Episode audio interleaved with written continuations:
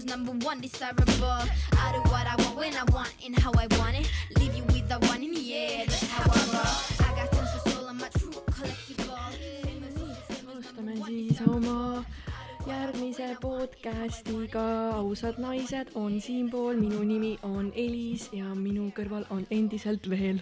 Lauret, endiselt veel, sul on nii palju energiat täna, Elis, kust sa selle said? ma ei tea, no see ongi see, et äh, kui elu äh, soosib, siis on äh, energia kõrgel ja tuju on hea, seega jah, alustame. täna on siis meil Fresh Elis vist küll, vist küll.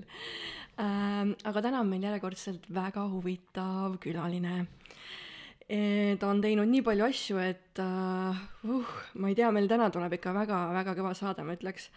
ja meil on täna külas siis Elina Kadaja ja ma põgusalt siis paar lauset Elinast äh, ka ütlen ja jah, mina muidugi põgusalt kui ma kunagi ise olin omadega natuke madalamas seisus kui täna, siis ma märkasin tema Instagrami story sid, mis mind mä- mega meeletult nagu äh, inspireerisid.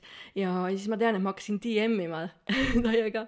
Ja siis äh, kuidagi väga kõnetas mind kõik see. Ja siis nüüd, nüüd on kuidagi kujunenud niimoodi, et me oleme kuidagi hakanud suhtlema või jah, ühesõnaga see on minu jaoks nii üllatav, et ta, et ta täna istub siin, aga ma kunagi nagu lihtsalt vaatasin, et mis elu see inimene kuskil elab, vaata äh,. aga Elina Kadaja on rändaja, kes täna aitab inimestel traumasid vabastada ja korraldab šamanistlikke kakaoringe talle meeldib pidevalt kogeda ja õppida uusi asju, ta ei suuda enamikesse normaalsustesse, normaalsest, normaalsetesse kastidesse mahtuda ja on oma teekonna avastamisel väga seiklusimuline.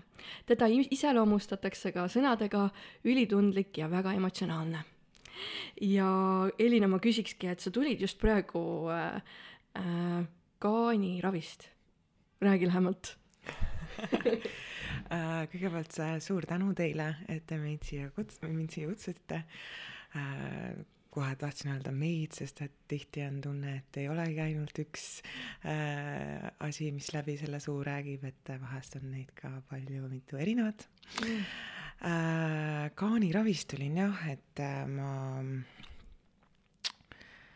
põhjuseid on palju, miks ma seal käin, et äh, üks asi on, et äh, füüsilisel tasandil äh, toksiinidest puhastuda ähm,. Samal ajal ma olen tähele pannud, et ta nagu mõjub ikkagist ka mu emotsionaalkehale, et pärast kaaniravil käimist on mul siis ikka tõmbab mingid protsessid üles järgnevatel päevadel, et äh, ma ootangi nüüd huviga, et elukaaslane hakkab jälle nagu saama. see üliemotsionaalne tuleb sealt välja. väga huvitav sissejuhatus muide. et, et see jah, see tundlikkus ka käib sinna alla, on ju, Mhm. et siis ta isegi täna käis peast läbi, et äh, mul on viimasel ajal hästi eredalt tulnud läbi mu eelmine elu. et viimasel kahel aastal ähm, on siis minuni hästi palju infot jõudnud äh, seoses mu eelmise eluga ja eelmises elus mind siis mürgitati äh, ära, et kiiritati ja mürgitati, et sellepärast ma surin ära. ja siis nüüd selles elus mul on nagu kehas päris palju valusid olnud ja ma ei ole sellest kunagi aru saanud, miks see niimoodi on ja nüüd, kui mul on siis nagu korralikult ikka pärale jõudnud, et enam ei ole nagu seda, et oo, et kas oli nii või ei olnud nii või et siis äh, nüüd ma saan nagu oma karma kogu täiega vastu võtta ja selle tarmaks muut-, muundada, kui see midagi ütleb, et äh, et lahti. kuidas sa oma eelmise elu kohta teada said? see esimene taipamine oli neli aastat tagasi. see oli siis meditatsioonis, siis ma ei julgenud kellelegi öelda. ja siis ma mõtlesin, kõik mõtlevad, ma olen loll peast. ja siis ma noh, ei ütlenudki kellelegi.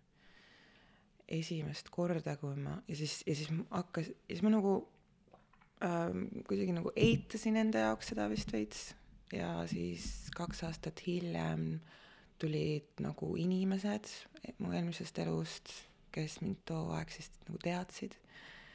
sain nendega kokku, Hawaii'l näiteks üks astroloog oli, kellega, kes hakkas mind siis õpetama, tema oli mu astroloog siis ka eelmises elus. Ja siis kõik need kehalised reaktsioonid, mis must toimusid, et noh, näiteks, et kui ta nagu ütles, et äh, rääkis mu lemmiktoidust, siis mul mingi pisarad voolasid näost alla ja, ja ja noh, mingid sellised reaktsioonid, mul ei peaks mingi toidu nime peale mingi pill lahti minema, on ju, et et aga siis läks ja siis ähm, ja siis nüüd viimastel nädalatel, viimastel kuul ajal ma sain sellise kristalli, mis mul kaelas on ja siis see on nagu eelmiste elude ja intuitsiooni kivi. ja siis äh, seoses sellega on nüüd jälle mingid meeletud protsessid käima läinud, et ähm, jah, India müstik olin eelmises elus, olin India mees tahtsingi küsida, et kas sa oled nagu seda kogu aeg tunnetanud juba lapsepõlvest saati, et sinuga on kaasas mingisugune müstilisus? jaa, on küll jah, et ähm, äh, lasteaiast saati juba käis äh,, no ma hakkasin kolmeaastaselt lugema näiteks. ja, ja siis äh, lasteaias äh, noh, oli imelik on rääkida nendest asjadest. aga sihuke müstilisus on jah käinud kaasas, et sihuke, et kuidagi äh, saan äh,, tundub inimestele, et saan kuidagi hästi lihtsalt asjad tehtud. et äh, nagu mingid hästi andekas või midagi siukest, kõik mm -hmm. pillid õppisin kiiresti ära ja kõik tantsud ja laulud ja asjad ja mis teha veel ja kool muidugi eriti ei huvitanud, sest et see õppesüsteem on praegu natuke nagu nagu onju. teenib mingit süsteemi. sellest meil on siin väga palju juttu olnud ka. jaa, meil tulevad järgmised või noh, podcast'id sellest ka juttu. aga sa oled Saaremaalt pärit. jah. Ja kui sa nüüd oma lapsepõlvele tagasi mõtled, et mis sind selle koha juures võlub? Mm? -hmm no lapsena mina arvasin, et on ikka kõige mõttetum koht maailmas on olla kuskil äh, väikse riigi väikse saare pealt, kus äh, on vähe inimesi ja kõik äh, kellelgi ei ole pruuni silmi, siis mina arvasin, et kõige lahedam on ikkagi siis, kui sul on pruunid silmad. Aga Saaremaa erilisus minu jaoks on nüüd olles reisinud hästi palju, nüüd just tulnud päevakorda et äh, nüüd ma arvan, et on just olla kõige erilisem koht üldse maailmas äh, väikse riigi, väikse saare pealt. et äh, olles uurinud hästi palju nagu Atlantise kohta ja Lemurianide kohta ja selliste iidsete kultuuride kohta, et siis äh, on minu nagu teadlikkusse jõudnud, et ähm, Lemuriani ja Atlantise elanikud käisid õppimas Hüperboreas ja Hüperborea oli siis siin Põhjamaade aladel ja äh, Kreeka jumal Apollo, päikesejumal on ju mütoloogia järgi, et tema ema siis äh, sündi seostatakse Saaremaaga äh,, Kaali järvega et Apollo siis erinevatel andmetel, et kas siis iga seitsme aasta tagant või lihtsalt hästi tihti talviti käis siis äh, Eestis äh, ja Saaremaal siis äh, õppimas. Et äh, siin oli selline hald ja kuningriik, et hüperborealased siis ähm, mütoloogia järgi olid äh, siis mm, nad elasid rohkem nagu maa kohal, et nad olid sellised nagu kõrgema dimensiooni nagu ähm, hinged äh,, elanikud ja nad lõid äh, loodust, et nad äh, püha geomeetriat kasutades siis äh, tegid meile siia paradiisi.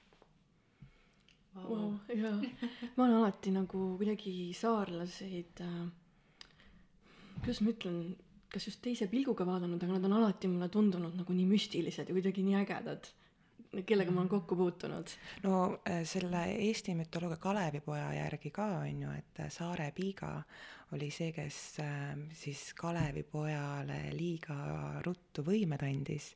et Kalevipoeg ei olnud oma egost veel nagu üle saanud ja aga Saarepiiga nii väga armastas Kalevipoega ja oli noh, selline natukene naiivne ka, aga hästi nagu väekas ja siis ta andis oma väe natuke liiga vara ka Kalevipojale ja siis Kalevipoeg kaotas tarkuste raamatu vanapagana kätte ära, sest et ta eksis metsas ära ja siis vanapagan ütles, et anna raamat mulle ja saad metsast välja.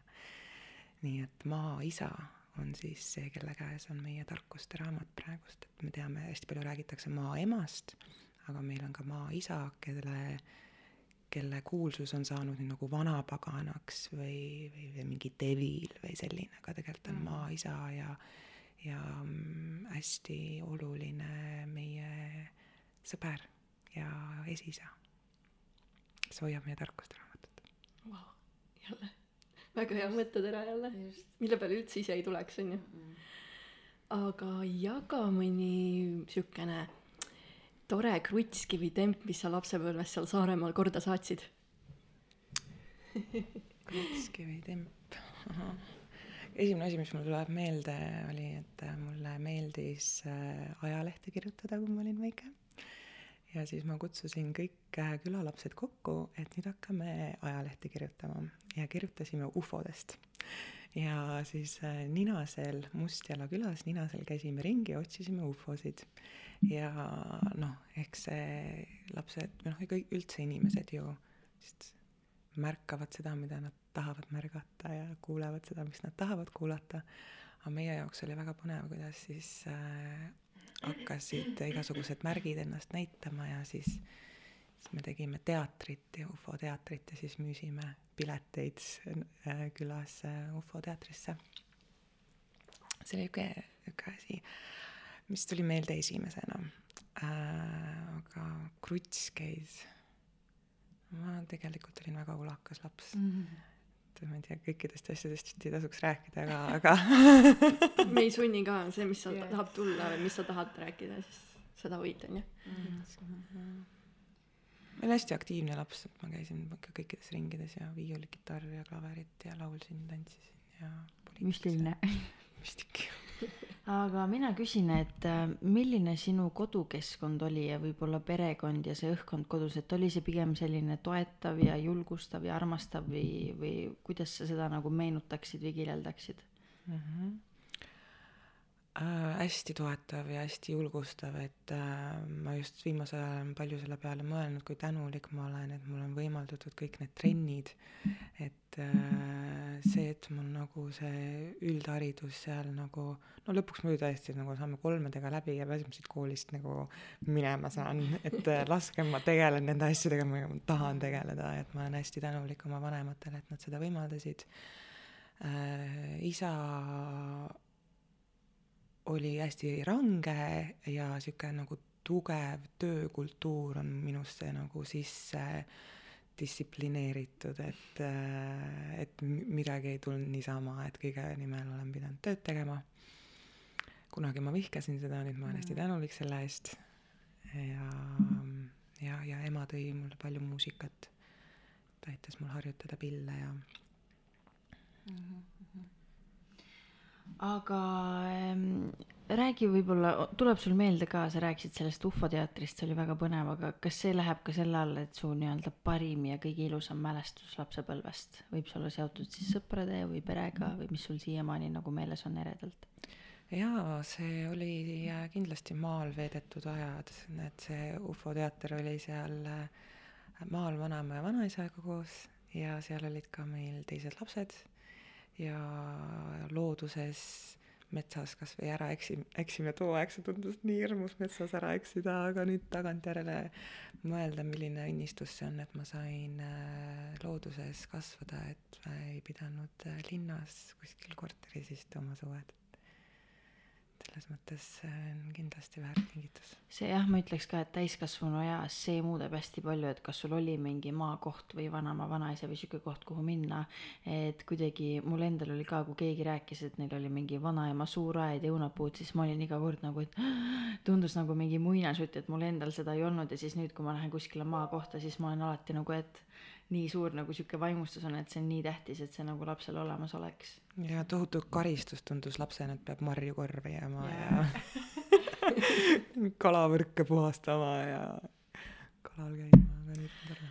aga räägime siis sinu haridusteest ka, see on ikka olnud väga-väga kirju. sa on olnud äh,, sa oled käinud äh, business school'is, sa oled Taani ülikoolis käinud. kas sa nagu teadsid alati, mida tahad teha ja kus õppida mm.? No ma olen enesearengust olnud alati hästi huvitatud, et juba mäletan, ma olin kuueteistaastane, kui ma lasin äh, koolis mingi tunde üle ja läksin täiskasvanute koolituskeskusesse projekti kirjutamiskoolitusele selle asemel, et matemaatikas istuda või kuskil seal.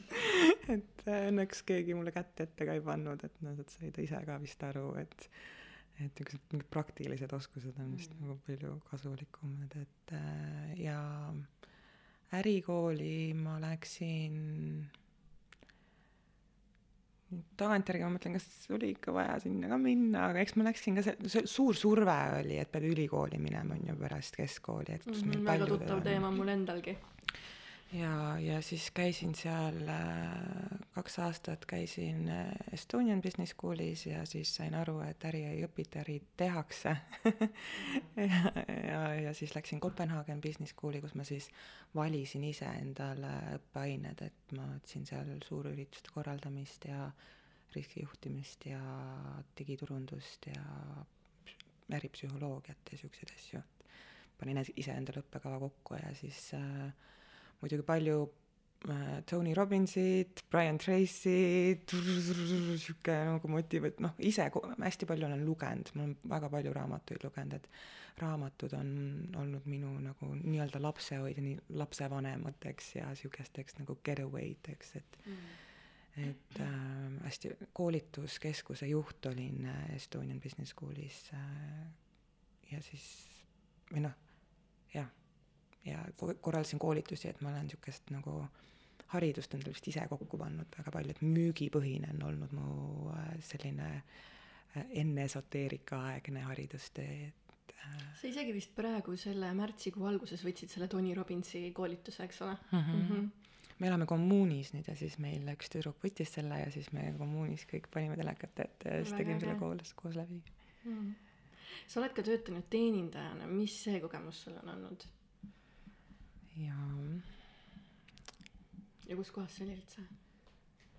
teenindajana ma olen töötanud, mu isal oli äh, restoran äh, Roomassaare sadamas Saaremaal kunagi, sealt hakkas see pihta ja siis Grand Rose'i hotellis olin administraator ja siis Taanis töötasin äh, restoranis ettekandjana, et see mulle ilmselt andis, no teenindus, no suhtlus on ju, et, et kuidas sa keerulisi olukordi lahendad, kui inimesel on kõht tühi ja teda ei huvita miski muu kui see, et tal oleks hea. siis ütle ka, et toiduoote järjekord on siin kuuskümmend minutit ja no just, just, et äh, see, et kuidas ükskõik mis olukorras ikkagist naeratada mm. ja, ja jääda nagu viisakaks ja, ja kui, ja mis sest, et sa oled ise ka võib-olla siin kaksteist tundi juba jalgade peal ringi jooksnud ja siis äh, näljane nägu vaatab sulle otsa mm. ja ütleb, et äh, see on sinu süü, et see toit on kõrbenud me siin päris mitu korda oleme tegelikult, enamus külalised on ikkagi nagu maininud, et teenindustöö on selline, mida kõik inimesed võiksid nagu korra elus kogeda, et vahet pole, mida sa nagu ja. teed et seda on nagu palju, palju läbi käinud. Aga sa oled töötanud ju Kalev-, Californias ka eh, fotograafiaagentuuris müügiagendina, et räägi natuke sellest, et millised sinu tööülesanded üldse olid ja kas sel, sealne nii-öelda töökultuur erines Eesti omast ka oluliselt või oli see pigem sama? no seal seda kippsmailingut on ikka oluliselt rohkem, on ju, et Eesti see teeninduskultuur on ähm, hmm, kui tuled sealt USA-st Eestisse, siis sa nagu tahaks näpuga viidata, et tüdrukud, palun naeratage nagu, et eh, Eestis seda ähm, Eestis nagu on niisugune tööloomalikkus on nagu aktiivsem, aga mitte see, et sul näost tunduks, et ta seda naudib või et ta tohutult viisakas oleks, et mm. et uh, USA teeninduskultuur on nagu üliviisakas, nagu eestlase jaoks isegi võib-olla natuke väsitavalt viisakas okay. ja selline um, kogu aeg tänan ja palun ja sorry ja kuidas saaks veel aidata ja selline, et et um, noh, seal on noh, tipi jätmine juba hästi kultuuris sees, et Eestis see pikalt ei ole olnud reegel, et üldse tippi jäetakse, aga seal on see nagu kohustuslik ja nende äh, pool palgast on ju, et ja see, kui viisakad nad on, siis nii palju nad palka saavad, et seal äh, fotograafiaagentuuris, kui müüki tegin, et siis äh, no sa pead ikka kogu aeg vaatama, et äh, ei ole oluline, mida sa ütled, vaid mis tunne inimesel tekib et inimesed ja see on nagu reegel üleüldiselt elus ka, et inimesed unustavad ära, mis sõna, sõnu sa suust välja ajasid, nendele jääb meelde, mis tund-, mis tunde sa neist tekitasid. et äh, naeratus äh, ju peegeldab, et kui ma sulle naeratan, sa naeratad ka ja seda teeb hea tunde. aga selle töö enda nagu need ülesanded, kas see oli raske töö või see oli pigem nagu USA-s nagu lihtsam?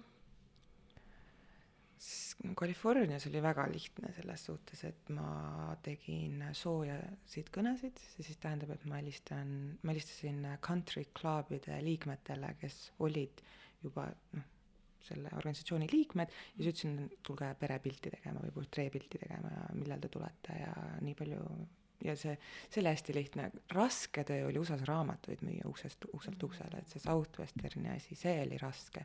ja see oli mul juba selja taga, nii et äh, seal telefoni otsas rippuda paar tundi päevas oli megalebo.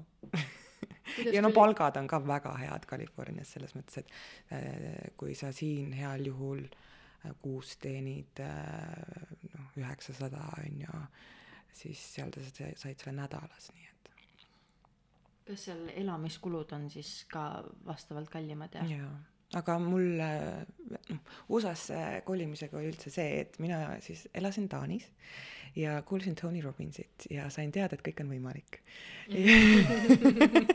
siis mõtlesin, okei okay,, kui kõik on võimalik, siis minul on nüüd vaja LA-sse kolida ja hakata endale Oprah'iks tahtsin saada. Ja siis äh, ajasin endale kaks tuhat äh, dollarit kokku. Äh,, võtsin kõik sularahas välja, sest Taani pangast muidu ma seda üle kanda kuhugi ei saanud. Ja siis äh, Miami's tegin väikse peatuse, et siis sõbrannaga hüvasti jätta ja siis äh, LA-sse kolida ja siis Miami's varastati kõik mu raha ära. niimoodi, et et mul oligi ainult ühe otsa pilet LA-sse, mul oli mu kohver ja siis äh, kaks päeva siis lennuni. ja, ja raha ei olnud õnneks ma olin ühe mingi tüübiga tutvunud, on ju, kelle juures ma kaks päeva sain magada, siis ta autojuht viis mind lennujaama, et ma sain vähemalt lennujaama. lennujaamas nad ei tahtnud mu kohvrit peale võtta, sellepärast et ma ei olnud maksnud kohvri eest, aga siis ma mingi pillisin seal nendele ja siis nad ikkagist lasid mu kohvri peale. Söönud ma ei olnud äh,, mingi noh, päris noh, kaks päeva vist ei olnudki söönud. ja siis lennuki peal, istun lennukis siis kõht on megatühi ja siis vaatan, tulevad, mingi vana paar tuleb lennukisse ja siis nendel on kaks pitsakarpi käes, ma mõtlesin my oh, mine pekki, kuidas tahaks pitsat saada. siis nad istuvad täpselt minu kõrvale, siis ma mõtlesin, mine äkki, nad istuvad siia nad. ja siis see vana proua t- võtab ühe pitsakarbi annab mulle, kallike, mul on kõht nii täis, mina ei suuda kahte pitsat ära süüa, kas sa tahaksid ühte pitsat ära süüa? ma mingi jaa, jess. Ma räägin, see on see elu usaldamine, kui palju me seda kuuleme, nagu see on nii crazy.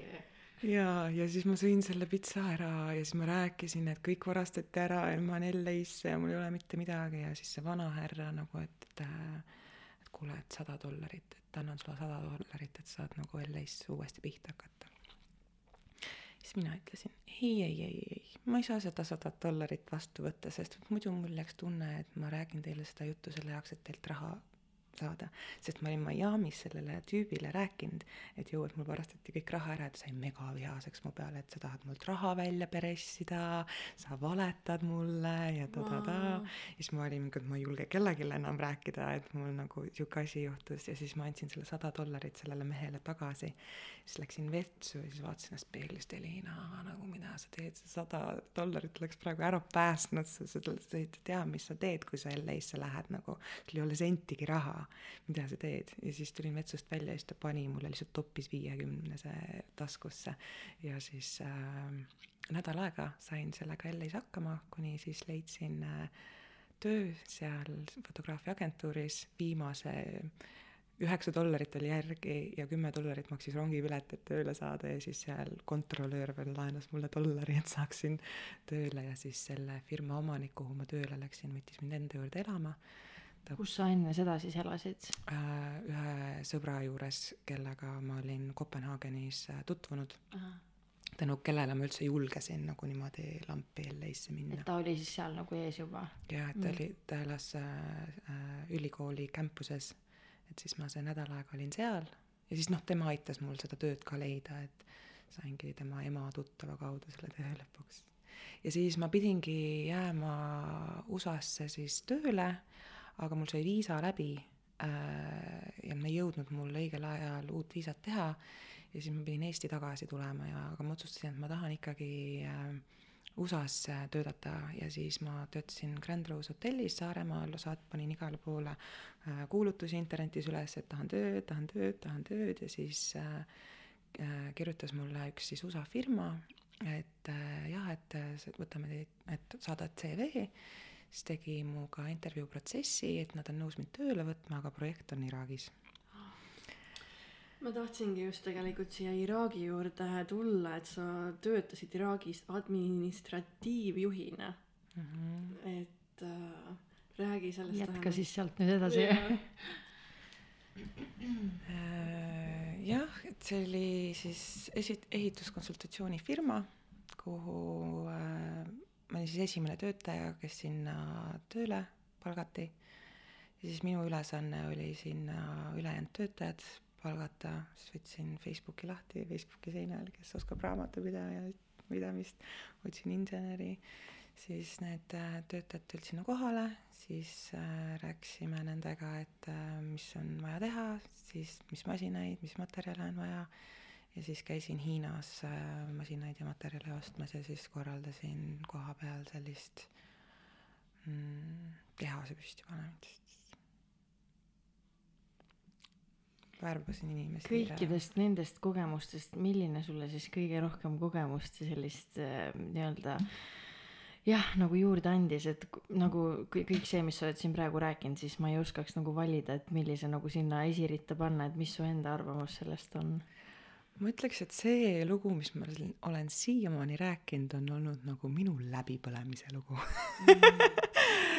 et, äh, et jah, et ta nagu andis mulle võib-olla seda, et, et ma võin teha ükskõik, mis ma tahan, et kõik on võimalik, et ma kogu aeg ma tegin endale vision board'e. et sinna Iraaki ma sattusin sellepärast, et ma tahtsin hästi rikkaks saada Mm. ja, ja ka noh, ma ei olnud läbi mõelnud, et mis hinnaga siis on ju, et et äh, Iraak ei ole kindlasti see keskkond, kus üks kahekümne kahe aastane noor neiu peaks äh, töötama ja ma mõtlengi, et see julgus, et jah, et kõik on võimalik ja Tony Robbins, aga just see, et minna ja nagu ja teha kuskile siuksesse riiki, sa ei tea, mis sind ees ootab, sa ei tea, mis inimesed seal on. et võib-olla, kas sul on mingid soovitused noortele ka, et kes on võib-olla selles vanuses, kes siin, kus sina kunagi olid, et mis nii-öelda soovitusi sa annaks, et kus nii-öelda, milliseid töökogemusi saada, kuhu võib-olla minna, kuidas reisida, et mis su need põhisoovitused oleksid? Äh, põhisoovitus oleks äh, kindlasti reisida. kindlasti võtta aega, et äh, ei pea tegema ühe aastaga kõik asjad ära. ja teha nagu, ülihea küsimus ja ma ise ka selle peale mõtlen, et äh, kuidas kuulata oma südame häält et kuidas teha seda, mis äh, teeb sinu südant õnnelikuks, et meil on praegu eriti just sotsiaalmeediaga on nii suur äh, edumudel nagu ette joonistatud, et äh, sa pead välja nägema selline, sul peavad olema sellised asjad ja sa pead tegema niisuguseid asju et, et seal on Instagramis suht nagu üks-ühele on see algoritm meile selle välja arvutanud, et mis see edumudel siis äh, välja näeb. aga sellel ei ole nagu mitte mingit pistmist meie isikliku selle südameteega. et äh, minu meelest äh, noh, kui mina saaksin oma elus midagi muuta, siis ma ei oleks sinna ärikooli läinud, ma oleksin võtnud äh, nagu noh, miinimumressursid hästi palju aega, aeg on meie kõige suurem ressurss, et päriselt aru saada, et mis asi on see, mis äh, mu südant õnnelikuks teeb, et mis, ma too aeg juba teadsin, et okei okay,, ma olin nõus tasuta korraldama koolitusi. see olekski pidanud olema see asi, mille peale ma oleksin pidanud jääma. et tegelema nende asjadega, mida sa oled valmis tegema tasuta, et see muuta oma sissetulekuks. aga tihtipeale me nagu arvame, et, et ma olen valmis seda tasuta tegema, et, et, et, et teised on juba selles nii head, et ma ei saa ikka selles nii heaks, et seda raha eest teha, et et ma teen seda niisama, on ju, et raha pärast ma teen midagi muud. ja siis me raiskame oma aja ära, tehes seda midagi muud ja siis see asi, mis meid nagu tegi nii rõõmsaks, et me olime nõus seda tasuta tegema mm, -hmm. siis see nagu ei saa seda aega ja tähelepanu. Ja et ka siis hästi palju asju nagu kogeda, et erinevaid töökogemusi ja, ja et, et just see on nagu tähtis, et see vast aitab kujundada seda südameteed. jah, et kui ei tea, mis see südametee on, on ju, et kindlasti palju kogeda ja ja vaadata tagasi ka, et mis olid need asjad, millega sa tegelesid põhikoolis et tavaliselt need asjad, mida, mis, mida meile meeldib põhikoolis teha, siis need on need, mis täiskasvanueas panevad südame laulma.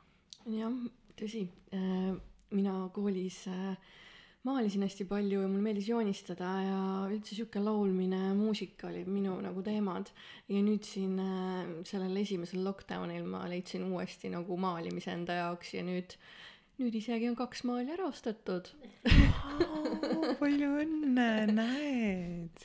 et jaa, et see on tõesti, kus ma kaon ära täitsa nagu, et äh, vaatan, aa, kolm tundi läinud, et. jaa, see ongi see... ajarännak, on ju mm. -hmm, et see on tõesti väga vinge äh,. aga võib-olla räägiks natuke reisimisest siis veel, et sa oled nagu käinud Hiina, Filipiinid, Kreeka, Hawaii, India ja nii edasi, ma arvan, et Äh, et kuidas sa leiad, äh, oled leidnud siis materiaalset ja ning ajaliselt võimalusi, et nii palju reisida, et kas sa otsid neid äh, võimalusi teadlikult või need kuidagi nagu tulevadki sinu juurde lihtsalt iseenesest või? Iseenesest? Jah, kõik tuleb iseenesest. midagi tegema ei pea um, hmm no ma olen äh, hästi suur säästja, et ma ei kuluta äh, mõttetutele asjadele, ma ütleks. ja mulle, ma naudin töö tegemist ja iga kord, kui ma kuhugi reisin, et nendest riikidest, mis sa nimetasid äh,, et ma ise olen kokku lugenud, on olnud kolmkümmend viis riiki, kus ma olen käinud. pooled nendest on olnud lihtsalt töö pärast, et ma olen äh, jah, töö pärast, aga need korrad, kui ma olen nagu reisinud selle jaoks, et lihtsalt äh, tore oleks, siis ma alati vaatan ka mingi koha, kus ma saaks seal tööd teha, et et riigi ja kultuuri tundma õppimine minu jaoks on olnud äh, suures osas ka läbi sinna ühiskonda sulami-, sulandumise. et kui sa lihtsalt turisti paned, siis see nagu kogemus jääb palju pealispinnalisemaks. ja kui sa leiad näiteks äh,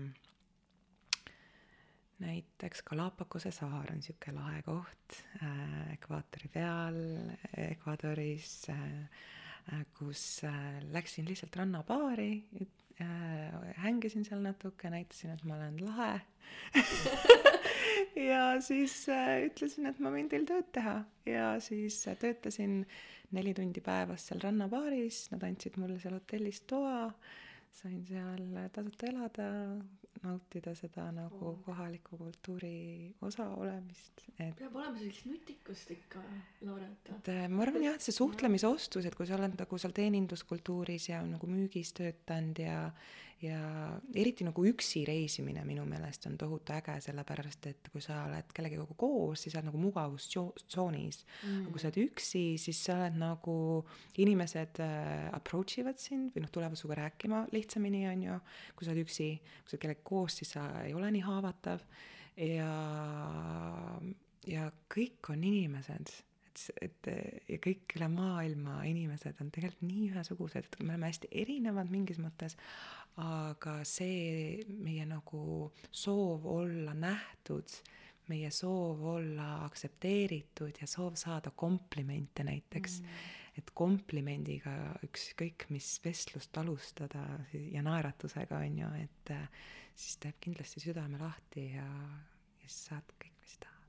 Ja just see ka, et äh, isegi või noh, see, et sa läksid sinna rannabaari, tegelikult see, et olla lihtsalt pildis mm, -hmm. et võib-olla kui sa lähed sinna ja tellid kokteili, aga istud seal nagu vaikselt nugrutsedes, aga tegelikult neil ongi töötajat vaja, et see, et sa nagu ütledki paar lauset, vaata, kui palju see võib nagu muuta, sa oleks võib-olla sama targalt sealt nagu tagasi tulnud ja nii olekski olnud. et nagu et Vau. et kõigepealt lähed, teed nendel inimestel tuju heaks mm., kes, kellega sa tahad hakata nagu mingit läbirääkimist pidama, pidama mm. -hmm. teed nendel tuju heaks ja siis nad tahavad ju su ümber olla, sinu mm -hmm. läheduses olla, kui sul, nendel on sinuga koos tuju hea jah, ja kui sa nüüd nagu mõtled sellele nendele reisidele tagasi, et milline reis või koht on sulle südamesse jäänud kõige rohkem? ähm, Guatemalas on selline järv nagu Lake Atiltan, ta on vulkaanide sees, on niisugune nagu järv tekkinud ja siis seal ümber on väikesed külakesed. ja siis San Marcos on üks külake, kuhu siis üle maailma iga sügise lõpp äh,, see on siis nagu november kuni veebruar on selline tipphooaeg, kus siis tervendajad ja muusikud ja sellised noh, holistika inimesed tulevad siis kokku. Tundub minu meelest nüüd, kui ma olen niisugust nagu ülemaailmset pilti näinud, siis niisugune maailm, niisugune koorekiht tuleb kokku sinna sellise aastavahetuse ajaks Guatemalasse. ja siis nagu jah, tervendajate suhtes ja siis nad hakkavad üksteist tervendama seal ja siis seal on nagu hästi lahedad äh, kakaotseremooniad, sundance'id, et noh, ekstaatilised tantsud on ju äh,, hästi palju retriite, et äh, see on selline koht, et ma hakkasin reisima oma astroloogia järgi. et äh, on selline asi nagu astroloogiline siis äh, astrocartography, astroloogiline reisikaart, maailmakaart Vau, sellest pole kuulnudki, väga põnev.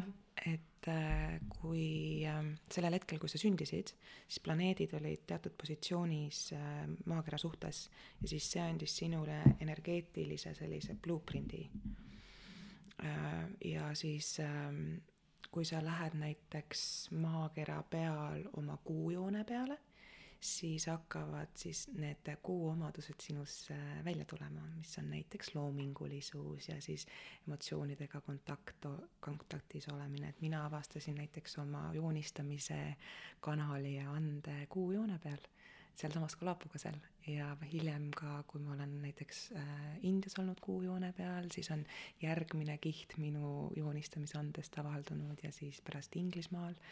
Et äh, kuidagi loomulikult tuleb see isu ja soov joonistada, aga näiteks iga kord, kui ma olen Marsi peal, siis äh, tulevad mu ellu konfliktid, kaotan pangakaardid tavaliselt ära, see on rusikal reegel, et mingi automaat sööb mu pangakaardi sa jälgid seda nagu reaalselt? jah varem ma ei, alguses ma ei jälginud, aga viimasel kolmel aastal ma olen jälginud, aga nagu tagasiulatuvalt ma olin intuitiivselt ka valinud riike, kus mul on mingid planeetide mõjutused, aga siis äh, kaks aastat, kolm aastat tagasi ma hakkasin reisima siis väga teadlikult selle astroloogia järgi, et ma lähen ainult sinna, kus mul on jooned, et iseennast kujundada siis läbi äh, tähtede. kus sa nagu tead neid kohti, kus sa teada said siis selle või kes tegi sulle selle astroloogilise reisikaardi? Üks äh, astroloog sealtsamast Guatemalast tegi mulle selle kaardi. Eestis tehakse ka seda, tead? jah. ma võin äh, juhendada, kuidas seda teha. jaa, palun ma, ma oleks esimene siin järjekorras jah, aga enne kui lähme uue teema juurde, kui sa peaksid selle meeletu reisimise ja selle kõik need kogemused kokku võtma ühe lausega, siis mis see oleks, see tundub võib-olla võimatu, aga mis siin nagu südamest tuleb? Avardav on see märksõna, avardav ähm,. et see maakera muutub äh, peopesa suuruseks. nii ilusti öeldud mm,. maakera tuleb peopesa peale.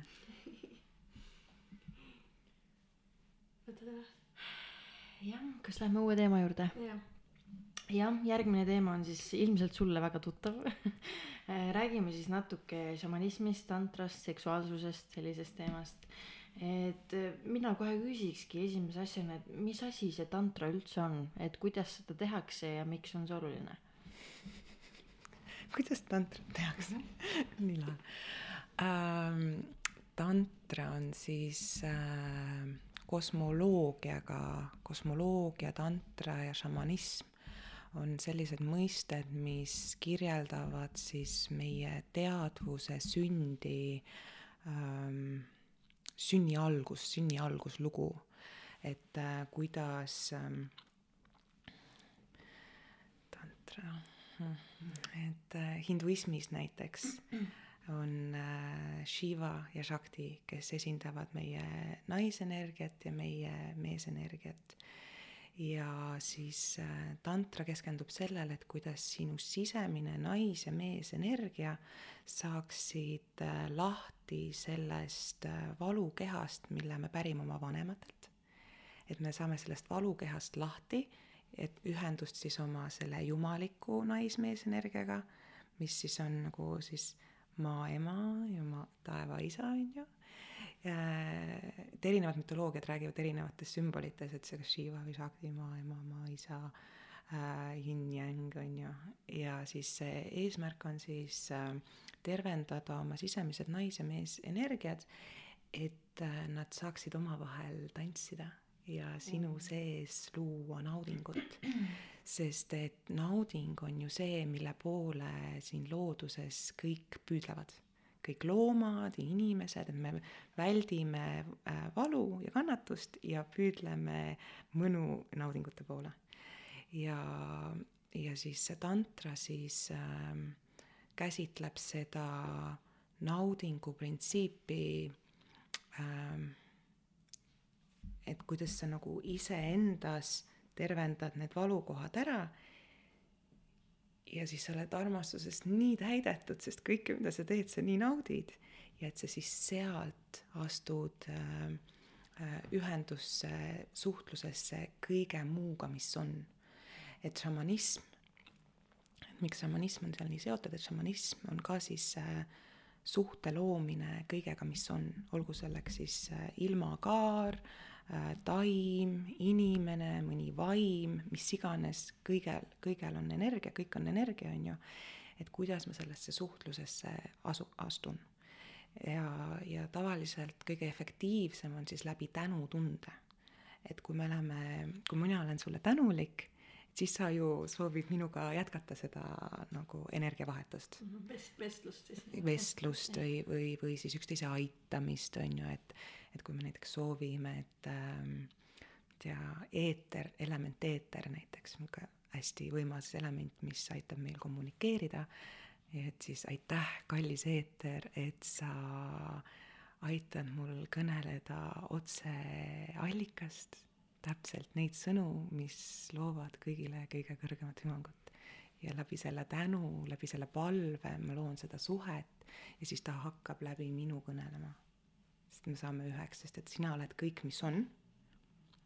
ja, ja siis läbi oma hingeosakestega suhte loomise saad rohkem kogu aeg tervikuks. ja siis kogu universumiga seda koostööd teha, et oma elu luua, oma universumit luua.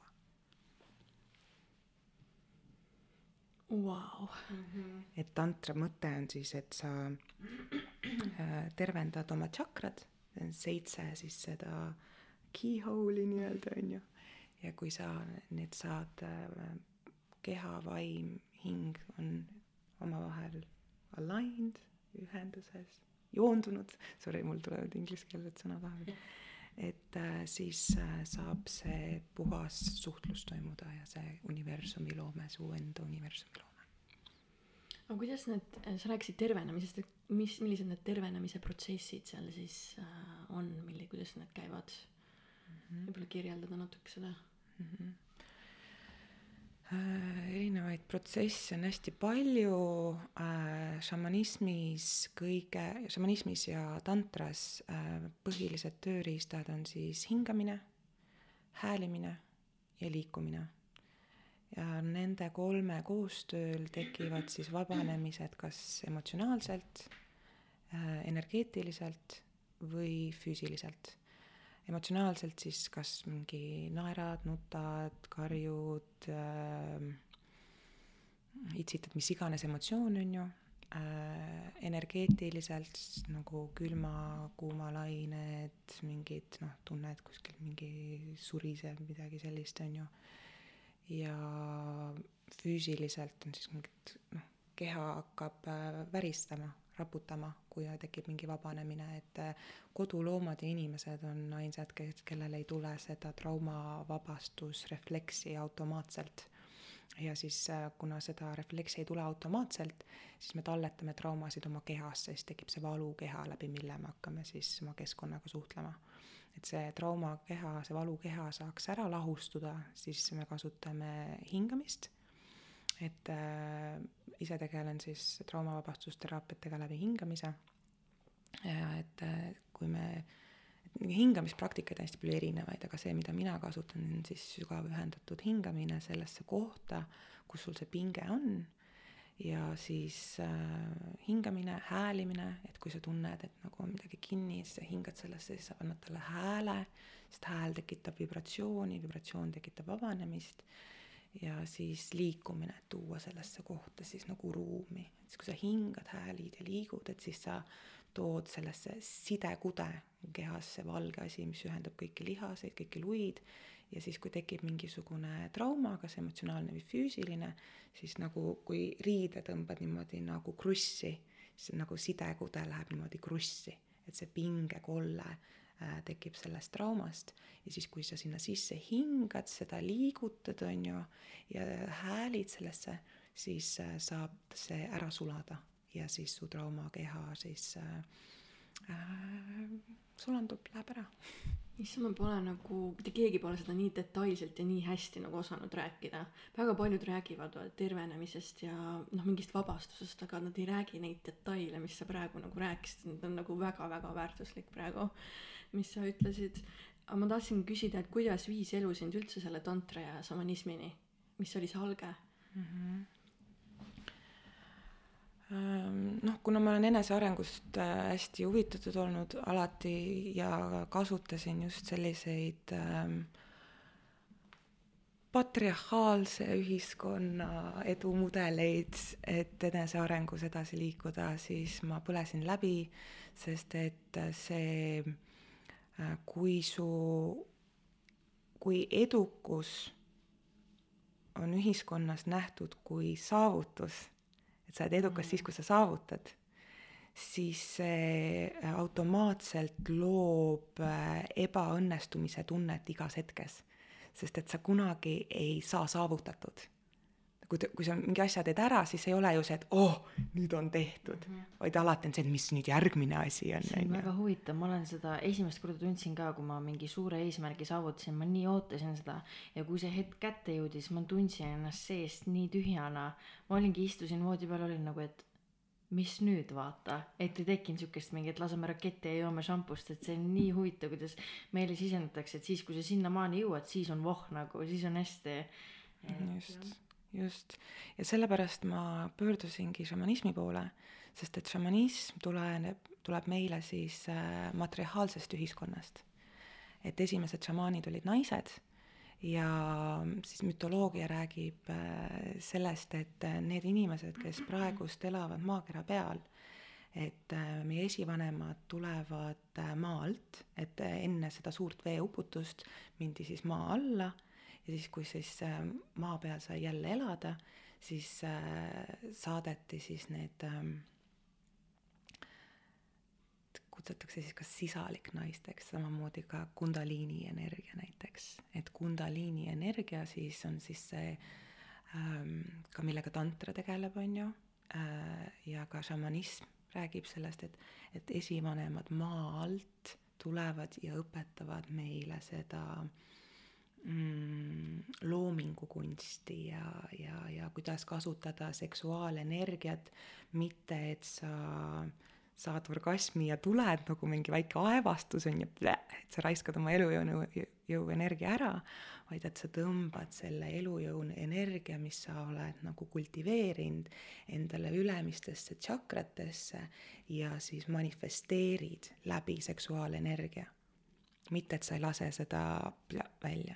naistel ja meestel on selles suhtes erinev, et äh, mehed ei tohiks eakuleerida, vaid peaksid selle nagu just pingutusega üles tõmbama, aga naised on ju mehe, mehe see vastandpool, et mehed, naised, mida rohkem nad lõdvestuvad, siis naise orgasm on see, mis nagu siis väestab meest seda materiaalsust looma, aga naine, mida rohkem ta lõdvestub, siis on nagu no palju erinevaid orgasme, mis on võimalik saada ja nad on kõik hästi erinevad, aga nad tulevad kõik läbi lahtilaskmise, läbi lõdvestumise ja mitte, ja kõige olulisem see, et läbi soovi mitte seda saada.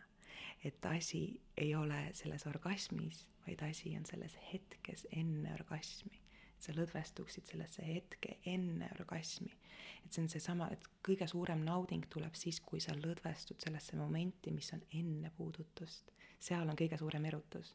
kui sa lähed lavale või teed mingi asja ära, siis kõige suurem erutus on hetk enne selle tegu. tõsi et siis samamoodi on ka nagu orgasmi ja naudinguga, et kõige suurem nauding on hetk enne puudutust. hetk enne juhtumit et, et see on seesama, et sa naudid teekonda, mitte ei taha sinna kohale jõuda et kui sa lähed puhkusreisile, on ju, siis sa ka ju ei, ei oota, millal see puhkusreis läbi saada, vaid sa naudid seda puhkusreisi. minu kogemus on see, et ähm, tihtipeale me lähme enda tervendamisega liiga palju mõistusesse. et me loeme mingi kakskümmend, kolmkümmend raamatut, ahime sisse täiega aga emotsionaalne seisund jääb ikkagi samaks. et tunneme end ikka tihtipeale samamoodi. et on see tõenäoline, et sel juhul on trauma ikkagi hoopis kehas ning tuleks tähelepanu panna pigem ikka kehasse. et mõnikord me tervendame ennast mõistusega, et see on hästi nagu omane no mõistus on ju need, kes, see, mis meil need probleemid on loonud et seal ringi kedrata on nagu selle probleemi juurde loomine, et see ja, ja ta on hästi jälle selle patriarhaalse ühiskonna loomulik osa, sellepärast et, et meesenergia on loogiline ja analüüsiv ja tahab probleeme lahendada ja, ja, ja see on see nagu, et kõik need raamatud on ju ka tavaliselt kirjutatud meeste poolt, mis sa lugenud jaa, oled. jaa, ma mäletan, me ükskord rääkisime sellest, et tegelikult kui mõelda, on ju, need kõik need enesearenguraamatud, need on suhteliselt ikkagi meeste rida ja siis ma mäletan ise ka, et ma panin noh, kõik, mis seal soovitati, et hommikul tee nii, nii, nii, nii siis ma tegin ka nii, aga ma ei tundnud nagu heaolutunnet, ma ei tundnud nagu, et et jess, ma tegin need ära, vaid mul oli pigem see, et noh, ma pean ja siis ma teen, okei okay,, vaata, et tekkis nagu, ei tekkinud selline nagu hea tunne, siis ma saingi aru, et tegelikult no mina olen naine ja minul käib hoopis voolavamalt need asjad, vaata mm. -hmm. et mehed on päikesetsüklis ja naised on kuutsüklis, on ju. et meil on äh, erinev äh, tsükli pikkus ja, ja üldse erinev funktsioon siin maa peal, on ju et ähm, hea ütlus on see, et selle jaoks, et jõuda äh, ülima teadlikkuseni, peab sul olema ülim kontakt oma emotsioonidega, ülim teadlikkus oma emotsioonidest. et ähm, oleks ma seda siis ka teadnud. Jaa, et, et ärimaailmas äh, enda ko-, kogemuse põhjal saan äh, raudselt väita, et emotsioonid on nõrkus. Et äh, aga tegelikult emotsioonid on see, on emo-, läbi emotsioonide kogeb Jumal iseennast läbi meie. Jumal armastab iseennast läbi meie, tundes emotsioone. et, et ka näiteks ülim igatsus oma armastustatu järele annab sulle nii tugevalt teada sellest, see valu, see kurbus annab sulle nii tugevalt teada, kui väga sa armastad ja siis läbi selle sa saad ja siis pärast sa saad selle teise ekstreemumi mm.. ja siis, aga mida rohkem sa oled valmis lõdvestama, lõdvestuma äh, kurbusesse, siis seda rohkem saab sinu jaoks ka rõõm kättesaadavaks. aga, ja alguses tundub, et nad on polaarsused, et üks on nagu ühes pulga otsas, teine on teises pulga otsas. aga kui sa lubad nagu alistud ennast üleni sellesse emotsiooni, mis iganes on olemas, siis see muutub ringiks ja siis see on lihtsalt üks suur tundmine ja siis, siis on, seda nimetatakse siis blissi kogemuseks, kus ei ole enam head ega halba, ei ole enam seda polaarsust, vaid kõik lihtsalt on. mul tulid külmavärinad igatahes. mul ka, ma tahtsin just öelda. Äh, aga sa rääkisid küll, kuidas see trauma tuleb meile, läbi esivanemate ja noh, mõnikord võib ka meil endil kohe see tekkida, et võib-olla räägi seda trauma olemust, et mis on trauma. Trauma on energia, mis on jäänud kehasse kinni. et see on kas siis meie füüsilisse kehasse, emotsionaalsesse kehasse või sellesse vaimsesse kehasse. no mentaalkehasse iseenesest ka, et mingid uskumussüsteemid on ju siuksed nagu mentaalkeha traumad. et ähm, noh, füüsilise keha trauma ongi sinikas, on hästi loogiline kõigil aru saada, on ju, või mingi luumurd, on ju. emotsionaalne trauma tekib äh, tavaliselt siis, kui näiteks on ohuolukord ja su keha toodab adrenaliini, et sind sellest ohuolukorrast välja saada. aga nüüd, kui sul ei ole kas äh, vahendeid või sul ei ole võimalik selles olu-, olukorras seda energiat ära kasutada, mis su keha tekitas enda kaitsmiseks, siis see adrenaliin ladestub sulle kehasse ja siis tavaliselt on see psoaaslihas, mis on siin neerude juurest hakkab pihta ja lõpeb siin reie siseküljes, läheb läbi vaagna ja sinna tekivad siis pinged. jah, seda, seda ma tahtsingi, seda ma tahtsin ka puudutada tegelikult. et äh, nii-öelda minu lugu siis, et äh, enamik naised võib-olla ei teagi, et meie kehas on selline lihas olemas nagu, ta on nagu niudelihas ka sa- nagu nimetatakse seda, on ju. niudelihas, mis talletab siis kõik mineviku kogemused ja kui väikses eas on olnud näiteks mingid ehmumised või hirmutavad olukorrad, siis ka kehas, keha koos niudelihasega läheb krampi ning äh, selle lihase tõttu võib olla naistel endi, endil raske sada protsenti tegelikult lõdvestuda. ja samuti ka vahekorra ajal äh, võib ka tekkida ebameeldivaid tundeid, et lihas hakkab reageerima näiteks äh, mehe nii-öelda sisenemisel. Äh,, ohuna läheb kaitsesse, et isegi kui peas võivad olla väga meeldivad mõtted, et äh, ma sain aru, et sina nagu sellega tegeled mm, -hmm. selle vabastamisega, et äh, ma, see on minu nüüd nii-öelda lähiaja teema, et ma olen sellest aru saanud, et et mul midagi sellist on, sest et seda ei saa sisemiselt äh, nii-öelda jonimassaažiga nagu äh, vabastada, vaid seda tuleb teisiti teha, ma saan aru. võib-olla Jaa. räägi lähemalt natuke. ja nagu see on naistel põhiteema, meestel ka, naist, naised on lihtsalt niivõrd palju nagu emotsionaalselt haavatavamad kui mehed, et siis meile nagu tekivad need äh, traumad kergemini, samuti on meil ka kergem neid vabastada, sellepärast et me oleme oma emotsioonidega paremas kontaktis. et äh, minu töös käib see siis läbi massaaži äh, ja ka hingamise, et äh, et äh, kuidas seda ise näiteks, ma mõtlen, kuidas inimene ise saaks seda kodus teha, et äh, kõigepealt nagu aktiveerida, on ju, kõigepealt on pingutus ja siis on lõdvestus. et sa teed nagu füüsiliselt ajad keha kuumaks, selle lihase kuumaks ja siis on sellised punktid näiteks nagu siin keskseljas on ju, siin neerude juures, siin ja siis see on naba all mingi viis sentimeetrit et kui siia vajutada, ise on veits raske seda teha muidugi, aga kui siia vajutada ja siin peal hoida pärast nagu aktiveerimist, et hingamisega me aktiveerime selle ja siis siia peale vajutamisega siis ta hakkab nagu tuksuma ja värisema ja siis ta lõdvestab need pinged siit ära. ja siis muidugi reie sisekülje nagu masseerimine ja siis on erinevad niisugused joogapoosid ka, mis aitavad seda lõdvestada. okei okay,, ma pärast küsin su käest nippe. jah, see on nii, nii tähtis ja nii oluline teema, me siin Elisega ka üks päev just arutasime, et kuidagi miskipärast kõik see nii-öelda seksuaalenergia ja seksuaalsus, see on ju naise jaoks nii oluline ja üldse see on tegelikult väga tähtis ja väga ilus teema, et kuidagi sellest on tehtud nagu nii suur nagu tabu, et kui sa sellest räägid, see on kuidagi sihuke ebamugav ja natuke sihuke, et kui sa selle teemaks tood, siis vaadatakse sind nagu, et kuule, et see ei ole väga avalik teema, vaata. et miks sa arvad, miks selline kultuur üldse nagu on või miks sellele nagu niimoodi viltu vaadatakse, kuigi see on tegelikult nii tähtis asi nagu. Äh, kõige olulisem küsimus ongi see ähm,. sest et äh, naise seksuaalenergia on äh, kõige võimsam energia kogu universumis. et ähm, ja selle jaoks, et patriarhaalne ühiskond saaks üldse toimida, on olnud vaja seda naise seksuaalsust alla suruda, seda häbistada, seda kontrollida ähm,, noh äh, ma ühtegi religiooni siin nagu välja tõstma ilmselt ei pea, kes äh, on meile selle kultuuri sisse juurutanud, et need on enamus äh, religioonid, et muidu religioon ei saakski lihtsalt toimida, kui naised sa-, saaksid oma seksuaalsusega ühenduses olla.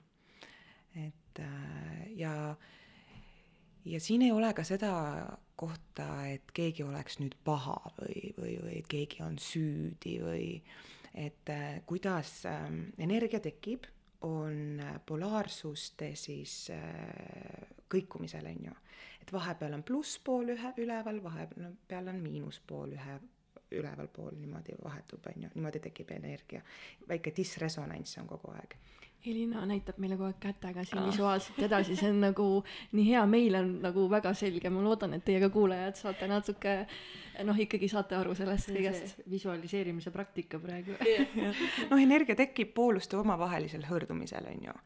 ja, ja kui nad on siis kontaktis, siis tekib energia, nii. ja kogu universum kogu aeg laieneb, plahvatab meeletu orgasm, meeletu vabanemine tekib kogu aeg universumis.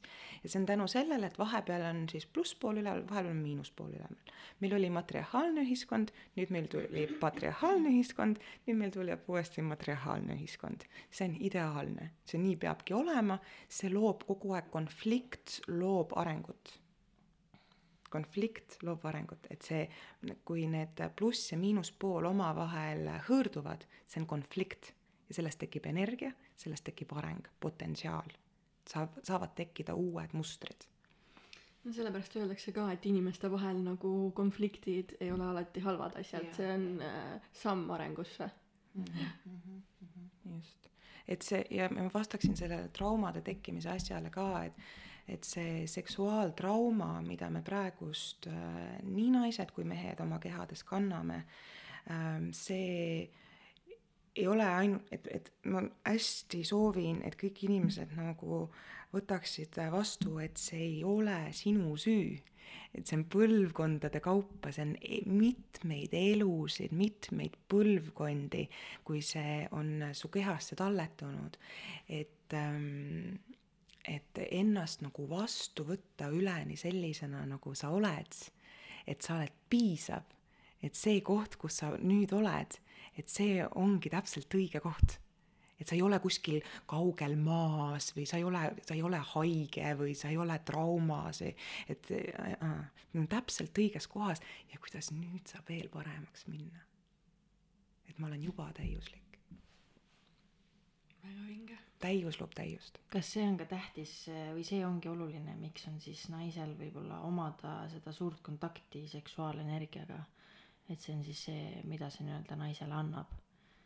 Kas sa võiksid uuesti küsida? jaa, et nii-öelda, et sa siin rääkisid sellest, et kui võimas see on ja mida see kõike meile annab, et miks see üldse on nii tähtis ja mis siis juhtub nii-öelda, kui naine ongi saavutanud selle meeletu kontakti oma seksuaalenergiaga, et mis siis nagu nii-öelda muutub või mis on teistmoodi?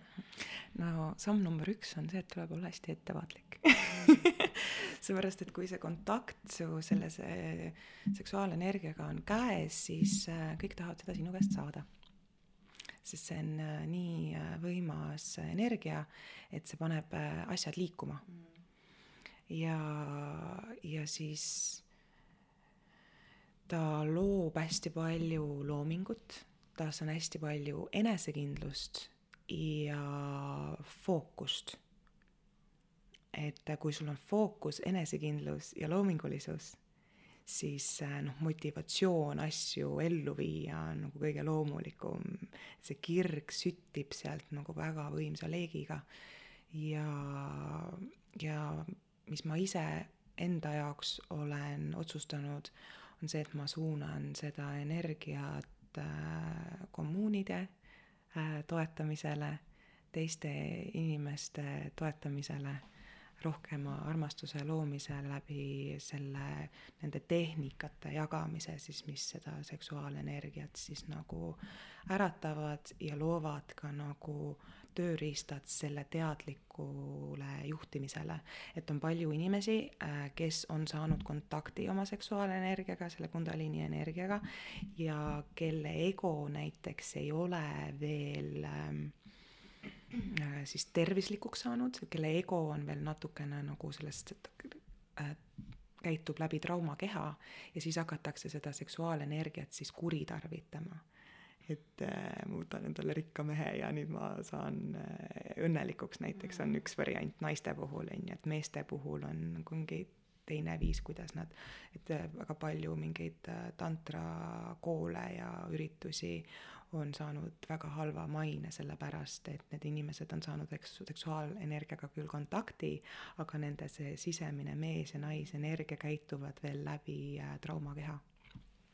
tahtsingi küsida tegelikult, et äh, sõna tantra tundub tegelikult eestlaste ja paljude jaoks sihuke nagu eemaletõukav äh, väljend või sõna, et mis sa arvad, miks see nii on noh, põhimõtteliselt sa natuke vastasid ära juba, aga noh, Jaa.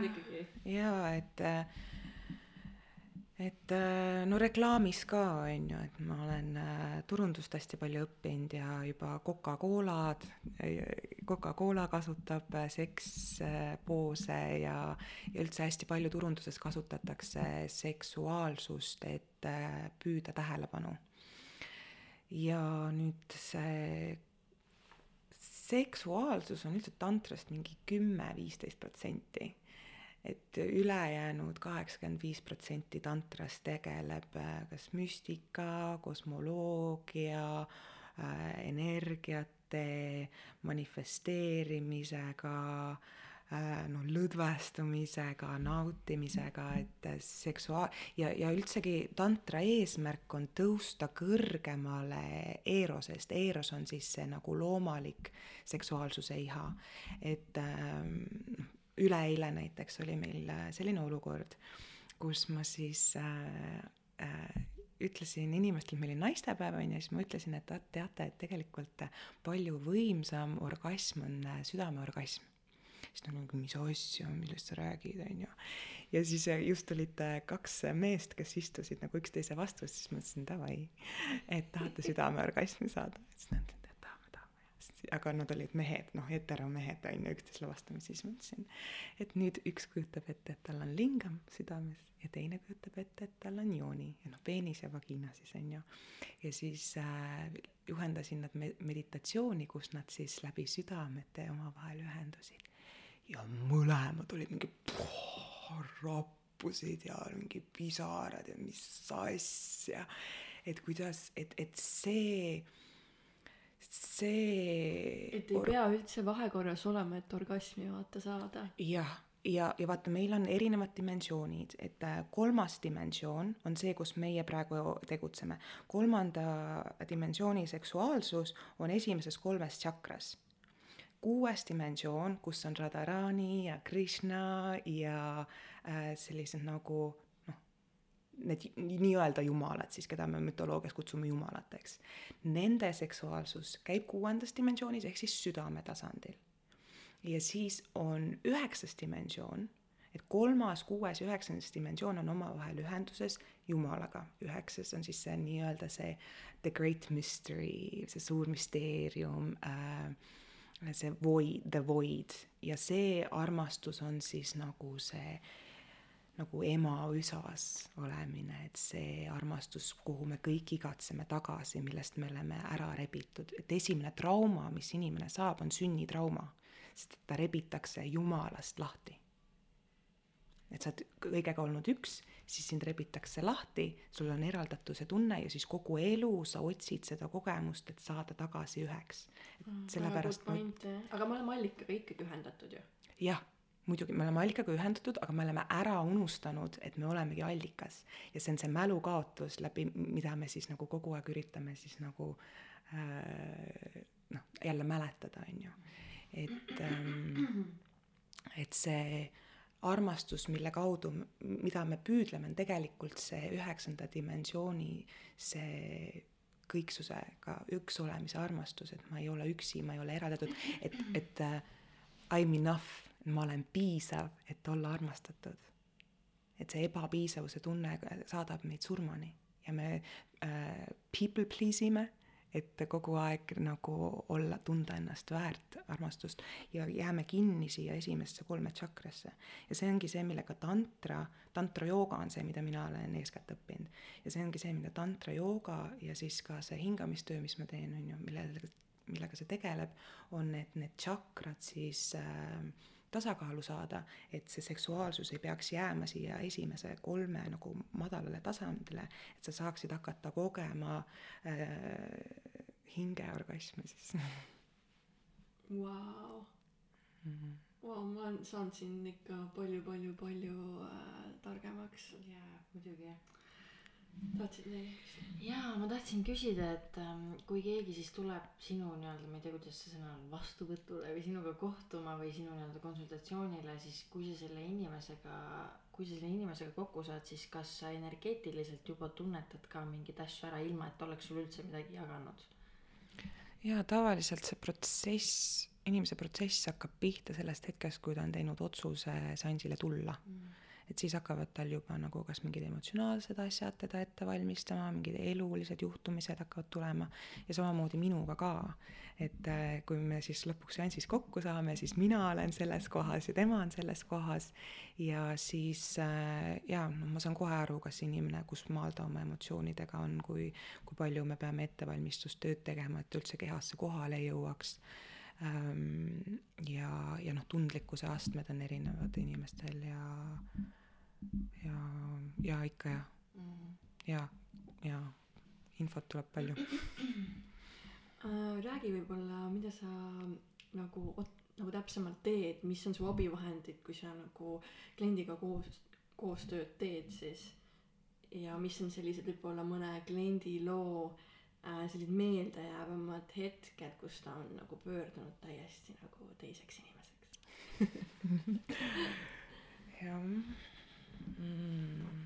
Neid äh, teiseks inimeseks, no kõik, noh, alustame siis selle tööriistade küsimusega mm. -hmm.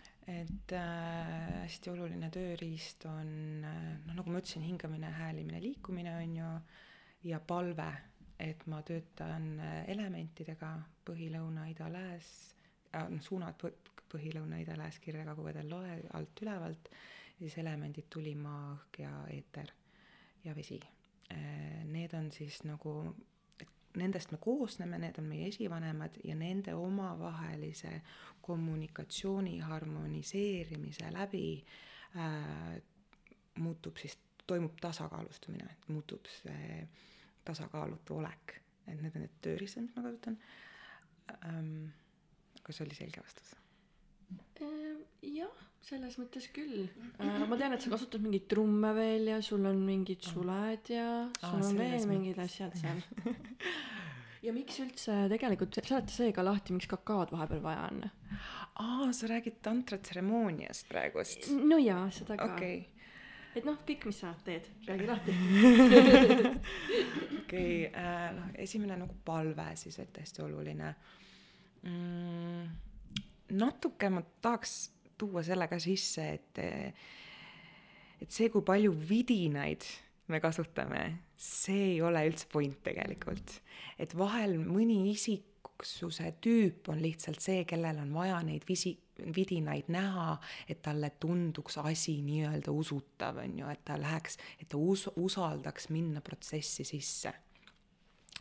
et äh, see noh, Palo Santo on näiteks Lõuna-Ameerikast pärit äh, puu, äh, mida me tossutame selle jaoks, et puhastada siis äh, energiatasandit. see on üks tööriist näiteks, mis ma kasutan. trumm on hea, et minna sellesse transi seisundisse, et kui on selline, ja sa võid kasutada oma põlve ka, et seda nagu trummi efekti kasutada, et tekitada, et äh, et paljudel on äh, trummiga selline is-, isiklik väga selline nagu vaimne side ja mingi suhtlusside ähm,. jah, et ma, ma nagu üheski nagu sellises välises tööriistas väga nagu sõltuv või kinni ei ole jah, ma kasutan nagu õlisid vahepeal, ma arvan, et see olenebki sellest kliendist, kes su Jah. juurde tuleb, eks ole, et mis energia, mida ta hetkeseisundina vajab, on ju. ja see on, see on üliintuitiivne, et, et mina, kõik, mis mina teen, ma olen oma kehas kohal, ma jätan oma ego teise tuppa, see ei ole mina, kes seda teeb, minu keha on tööriist, ma teen palve ette, suur vaim, aitäh, et sa tegutsed läbi minu ja et sa tood sellele inimesele tema kõrgemat hüvangut, me alistume täielikult ja mina lihtsalt järgin oma keha. et äh, need tööriistad, mis parasjagu sellesse sessiooni sisenevad, on siis juhatatud. see on mul seal. kas sa juba jagasid seda, et eh, milline oli see nii-öelda kõige ägedam kliendi lugu ja mis suur muutus seal pärast seda nagu oli? ägedaid lugusid on palju, aga oota, ma mõtlen.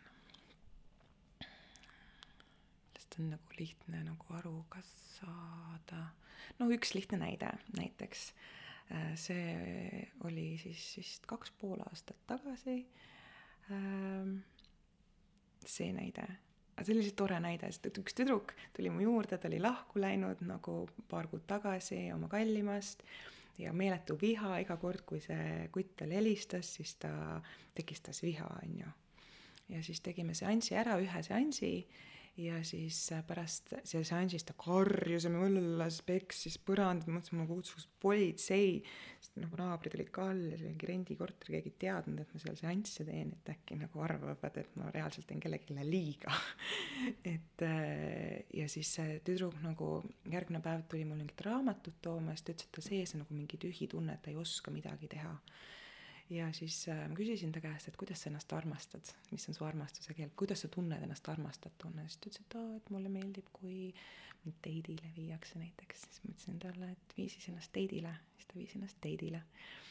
ja siis äh, tuli raamatule järgi äh, nädala lõpus ja, ja siis ta ütles, et issand, kuidas ma nagu ma nagu voolan armastusest ja see tüüp helistas, ma sain temaga kokku, mul ei ole mingit viha ta vastu, meil on täiega okei okay.. et sellest ühest seansist ta sai lihtsalt selle emotsiooni välja, mida see kutt temas trigerdas ja nüüd tal ei olnud vaja sedasama emotsiooni, mis tal oli tegelikult juba ammu, võib-olla see oli ta vanaema emotsioon üldse, mida see kuttas üles kutsus, aga ta sai selle täiega välja peksta ja nüüd see kutiga tal nagu chill nagu et ta ei elanud enam oma viha selle kuti peal välja, onju.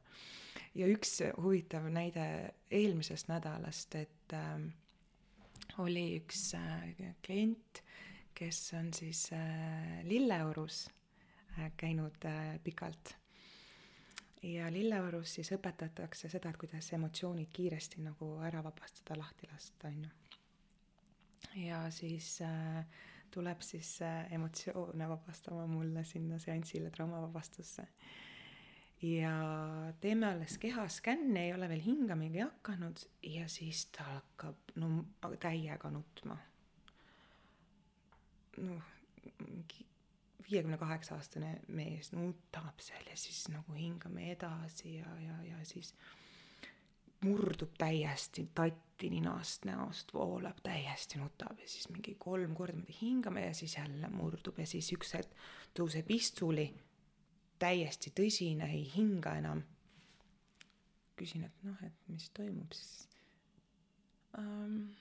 tunnen pettumuse tunnet. et see seanss vist ei toimi mulle.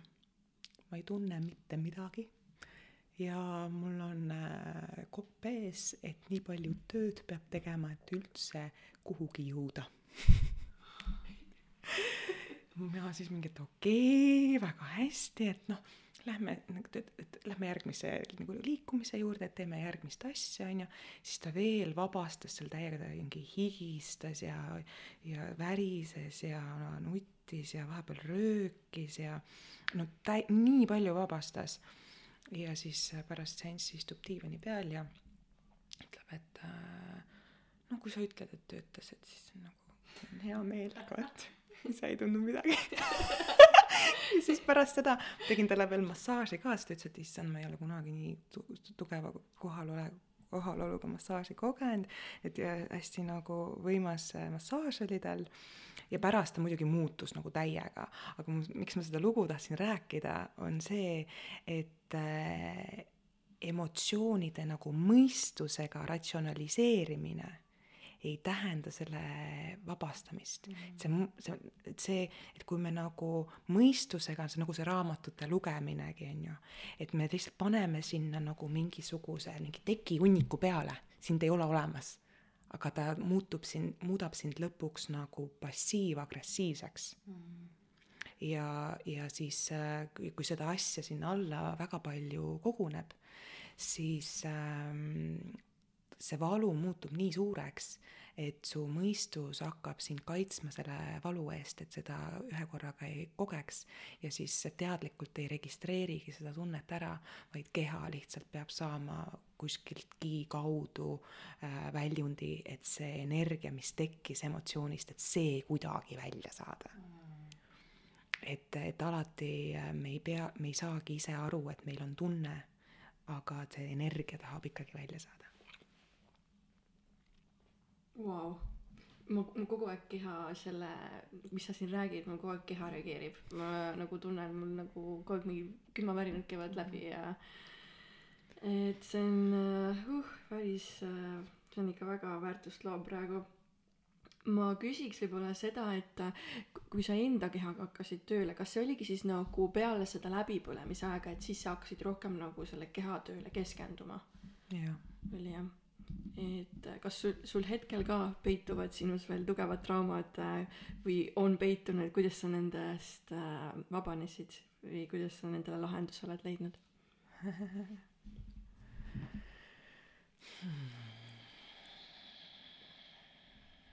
No massaaž on olnud minu jaoks kindlasti äh, kõige jah, massaaž ja hingamine ikkagist on olnud need, mis on mind toonud mu kehasse, et ma olen oma keha pidanud tööriistaks, mis peab tegema kõik need asjad ära, mida ma tahan teha, mis mu nagu mõistus nagu rullib, on ju. ja siis äh, kogu kogemus äh, autentsusest näiteks, et äh, suur, ma ütleks, et suur osa minu edust äh, võlgneb sellele, et et, et inimesed näevad minus mingit autentsust ja see autentsus tuleb minu kehast, et ma olen kehaga kontaktis ja ma lasen oma kehal rääkida, mitte mõistusel mm. -hmm. ja ma saan oma kehaga olla kontaktis siis, kui see on saanud palju puudutusi, palju venitusi, kui ma olen hinganud sellesse esimesse pingepunkti ja sellesse lõdvestunud et miks, mis iganes liigutust, näiteks tantsimine on imeline viis, kuidas kehaga kontakti luua. et nagu, või sirutamine, et ma viin oma käed laiali-laiali ja siis tunnen oma südames seda venituskohta ja siis hingan sellesse ja lõdvestun sellesse ja naudin seda. Mm.. ja siis naeratan ja olen tänulik, et ma saan iseendale seda pakkuda. Mm.. et ähm, see on äh, igavene protsess sest et see sügavus, mis on naise kehas, on lõputu. naise terve keha on orgasmiline, orgastiline, sa võid küünarnukist ka orgasmi saada. et, äh, et see, see toimub iga hetk. Ja on lõputu teekond. seal ei ole ka seda eesmärki. See on ka eesmärgita. Nii vinge, nii vinge räägime natukene ka manifesteerimisest mm. -hmm. sa oled ju teinud enda ettevõtte ka tegelikult la-, Loves of Life ehk siis eluseadused põhimõtteliselt jah et äh, mida manifesteerimine üldse sinu jaoks äh, tähendab hmm.? See on lahe, et sa ütlesid Laws of Life, sest ma muutsin selle nime ära Relax into Life'iks jaa, just. kuna sa, kuna sa muutsid selle muidu äh,? ma muutsin selle ära pärast seda, kui ma tegin selle manifesteerimise raamatu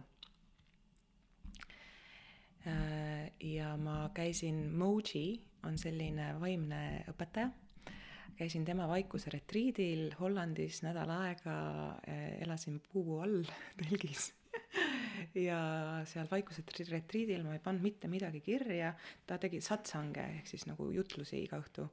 ja ainuke asi, mis ma kirja panin, oli relax into life.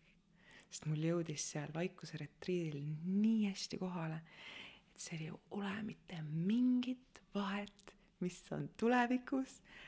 ainuke asi, mis loob, on äh, nauding, tänulikkus ja lõdvestus siinsamas hetkes. sa ei saa tulevikus nautida, sa ei saa tulevikus lõdvestuda, sa ei saa tulevikus olla õnnelik, sa saad olla ainult siin ja praegu tänulik, õnnelik ja lõdvestunud. ja tänutunne on kõige kõrgem vibratsioon, mis me saame üldse luua ja kui me tahame manifesteerida oma ellu asju, mis on kõrgema vibratsiooniga kui võib-olla need asjad, mis meil praegu on, siis me peame kõigepealt enda olekut tõus-, tõst-, tõstma sellesse vibratsiooni, kus on see asi, mida me tahame saada. ja siis elu läheb nagunii edasi. ja siis see asi saab lihtsalt meieni tulla. ehk siis kõige olulisem manifesteerimise äh, punkt on siis oma hetke vibratsiooni tõstmine et hommikul näiteks tants, tantsimine, tänulikkus ja hea toit. kas eh, sinu arust on manifesteerimisel ka mingid eh, nii-öelda põhiseadused, mis kindlasti kehtivad ja mis kindlasti mitte? et näiteks mina enda puhul olen aru saanud seda siis, kui ma alustasin selle teekonnaga, siis ma lõpuks sain aru sellest, et tegelikult äh, inimese jaoks toimib täpselt see, mida ta ikkagi sügaval sisimas usub. et ütleme, et ma võin päevad otsa kirjutada, mediteerida, teha joogat, laulda, tantsida, aga kui ma sisimas ei usu, et see nii-öelda eesmärk, mis mul on, et see võib võimalik olla või et see on juba olemas, siis ega see tegelikult ei toimi. Et sellepärast ongi, et erine-, erinevatel inimestel ju toimivad erinevad usud, erinevad jumalad, sest nemad usuvad sellesse, et mis sinu nii-öelda nägemus sellest on mm. -hmm no usk on kõige alus, on ju, et usk on see, mis see kõike loob äh, minu meelest üks kõige olulisem manifesteerimise nüanss, mis tihti läheb meil kaduma, on see, et universum ei mõista eitust.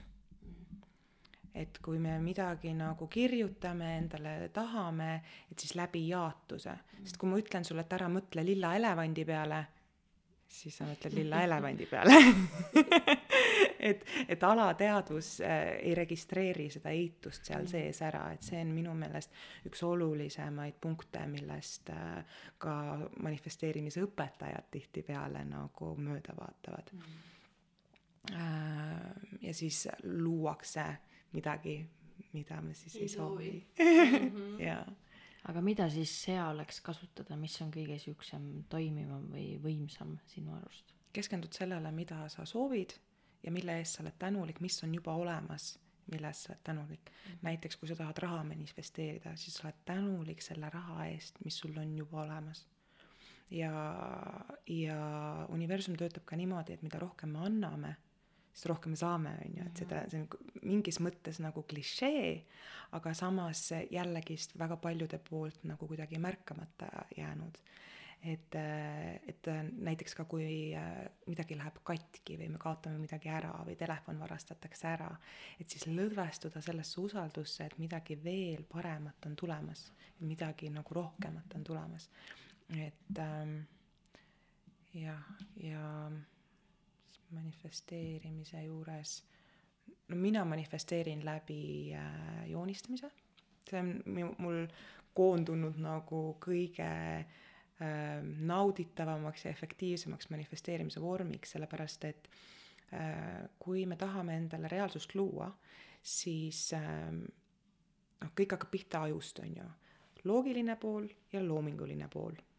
ja kui me kasutame nii loogilist kui loomingulist poolt, siis tekivad need äh, ühendused ajupoolkerade vahel, kui need ühendused tekivad, siis äh, see vedelik, mis on aju ümber ja on ühenduses meie seljaajuga ja närvisüsteemiga, saab impulsi tegutseda. ainult siis, kui me kasutame nii loogikat kui loomingut, siis see läheb impulss kogu kehasse ja siis alateadvus, ja alateadvusele on nüüd programm edasi antud, alateadvus elab kehas, ja nüüd alateadvus teab ühte reaalsust ja siis meie mõistus hakkab väljaspoolt otsima neid asju, mis ühilduks selle reaalsusega, mis me oleme alateadvusesse pannud. sest mõistuse funktsioon on hoida meid äh, sein, mis see eesti keeles on äh,, mõistuse Nii-öelda juures. kainena või kainena nagu- või nagu jah, kainena, et tasakaalus on ju, et meie sisemaailm ja meie mäli- välismaailm match iksid et selle jaoks, et visualiseerimispraktika on ka ju alateadvusele programmi sissesöötmine. Aga kui sa kasutad nii loogikat kui loomingut ja paned selle kohe mateeriasse, ehk siis nagu kas joonistad, kirjutad ta välja, siis ta saab hakata looma.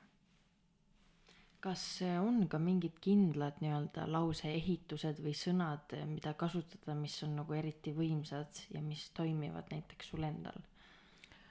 Äh, palve esimene samm on tänulikkus, et äh, mis iganes äh, egregoori poole sa siis pöördud, kellega sa koostööd soovid teha, siis tänu on see, mis avab ukse koostööle, et mina tavaliselt näiteks tänan, et äh, aitäh, suur vaim äh,, kutsun sind oma igasse mõttesse, sõnasse ja hingetõmbesse ja oma igasse teosse, et kõik minu teod looksid mulle seda reaalsust, mis on minu ja kõikide kõrgemaks hüvanguks. aitäh, aitäh, aitäh. sest kui me tahame teenida kõikide kõrgemat hüvangut ja käia sealjuures ka oma sü- südameteed, siis see on ju see, milleks me oleme sündinud ja kogu vaimumaailm tahab toetada seda, milleks me oleme siia sündinud, sest me ei ole siin kogemata, me oleme siin ju ikkagi põhjusega ja, ja kui me nagu, meie palve on läbi tänulikkusega, et universum toetaks selle eesmärgi täitumist, siis kõik ju soovib meid toetada. pean ka kuulajatele ütlema, et Youtube'is on leitav Elina tänulikkuse medita-, meditatsioon, mis on äh, väga ka võimas. olen seda väga mitmeid kordi teinud ja see tõesti toimib. et Elina on väga vägeda, ägedaid asju välja andnud ja üks, äh, mida ta on ka välja andnud, on äh, käsiraamat mida saab ka tema koduleheküljelt siis soetada ja võid äh, rääkida lähemalt, mis see täpselt on ja kuidas see sündis. Oh, kui lahe, et sa selle välja tõid, mul on praegust käsiraamat tegelikult otsas. Et äh, nüüd on siis põhjust neid ikkagist juurde trükkida. Et äh, see käsiraamat äh, jah, sinna ma panin kokku siis kakskümmend üks sellist nagu põhilist manifesteerimise tööriista, mida kasutada. praegu äh, neid käsiraamatuid ei ole küll, aga me hakkame tegema nüüd, teeme praegu iga päev ühismeditatsioone, me hakkame te neid tegema minu Facebooki lehel laivis, et kõik saavad täiesti tasuta meiega liituda. mis su Facebooki leht on äh, Elina Kadaja mm? -hmm. mm. -hmm. ja siis äh, ka Instagramis siis Eli-, Elina Sofia Official seal postitan ka materjale ja, ja siis, ja siis äh, neid tseremooniaid teeme, et äh, et seda käsiraamatut praegu ei ole, aga mis tuleb välja nüüd kohe-kohe-kohe, on videotreening-sari, kus ma siis äh, annan välja kõikide nende seitsme energiakeskuse jaoks kehale, meelele ja vaimule siis äh, hingamis, mediteerimis ja häälimisspraktikad et siis äh, kõik, et oma see sisemine elupuu aktiveerida, et sa saadki nagu selle kogemuse, et ma olen jumal ja ma saan kõike teha ja okei okay,, ma olen müüdud juba. Et selle kohta saab siis äh, infot ah,, koduleht elinasofia.com sealt saab infot. ma ei tea, mul vist on küsimused, küsimused on nüüd vist äh, otsas, aga ma ei teagi, ma olen pahviks löödud natuke, Lauret, kuidas sinuga on? ütleme nii, et jah, peopesad on natuke higised ja külmavärinad ikka veel käivad. et jaa, eks iga saade loob väärtust, aga tõesti on võimas tunne ja tõesti on nagu, et oleks midagi väga suurt nagu kaasa saanud. et äh, ma arvan, kuulajatel täpselt samamoodi, et võib-olla sul on midagi endal veel lisada, mida sa tahad kuulajatele südamele panna või, või öelda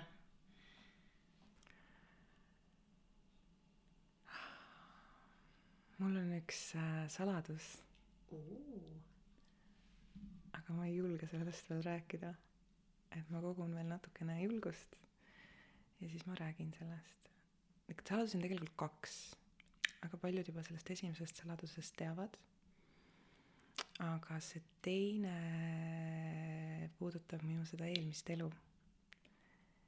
Ja see teema on lihtsalt nii aktuaalne praegu, et ma tahaks võib-olla inimestele südamele panna selle, et ähm,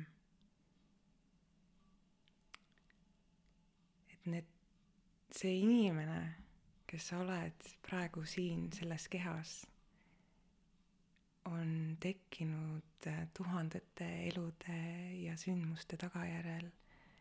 Et äh, oleme endaga hästi pehmed, hästi kaastundlikud, hästi kannatlikud ja hästi arvestavad ja mm, ei ole vahet, mis see eesmärk on, väga oluline on nautida iga hingetõmmet. mul polegi vist midagi lisada. aga ma tean, et Elina su kakaoringid on kogu aeg välja müüdud tegelikult, väga populaarsed. et äh, praegu muidugi neid vist korraldada ei saa, aga tulevikus sa kindlasti teed, et äh, tuleb hoida lihtsalt silmad-kõrvad lahti sinu lehtedel, on ju. ja siin jah, saate, kui jälgite mind Instagramis näiteks, siis on vältimatu, et äh, näete. et sellest, sellest teada ei saaks, on ju. ja, ja mina ei tea, ma täiega tänan sind, Elina, et sa tulid täna. aitäh, aitäh, et kutsusite tänan. veel. jah, jah, minu poolt ka väga suured tänud, et sa tulid ja jagasid oma meeletut väärtust. ja jah, kuidagi mõlemad oleme sõnatud siin. pahviks löödud täiesti ja ma loodan, et äh, sulle, kuulaja ka äh, see saade meeldis ja kui ähm, see pakkus väärtust, siis kindlasti jaga seda saadet enda mõne tuttav või tuttava või sõbrannaga, et et ähm, ja, ja anna tagasisidet ka meile kindlasti. ja tulge kindlasti teie ka meiega koos mediteerima mm. läbi Facebook äh, laivide, et see on täiesti tasuta ja seal ma siis jagan erinevaid aktiivmeditatsioone, erinevaid äh, müstikute praktikaid just manifesteerimise ja naudingute kohta. Jei, elu on nauding ja aga aitäh sulle, Elina. aitäh ja, teile. ja hoidke siis silmad lahti ka meie ausad naised Facebooki lehel. Instagrami. Famous, so, so famous, number one desirable. I do what I want when I want and how I want it. Leave you with the one in the air, that's how I roll. I got tons of soul, I'm a true collectible. Famous, so, so famous, number one desirable. I do what I want when I want and how I want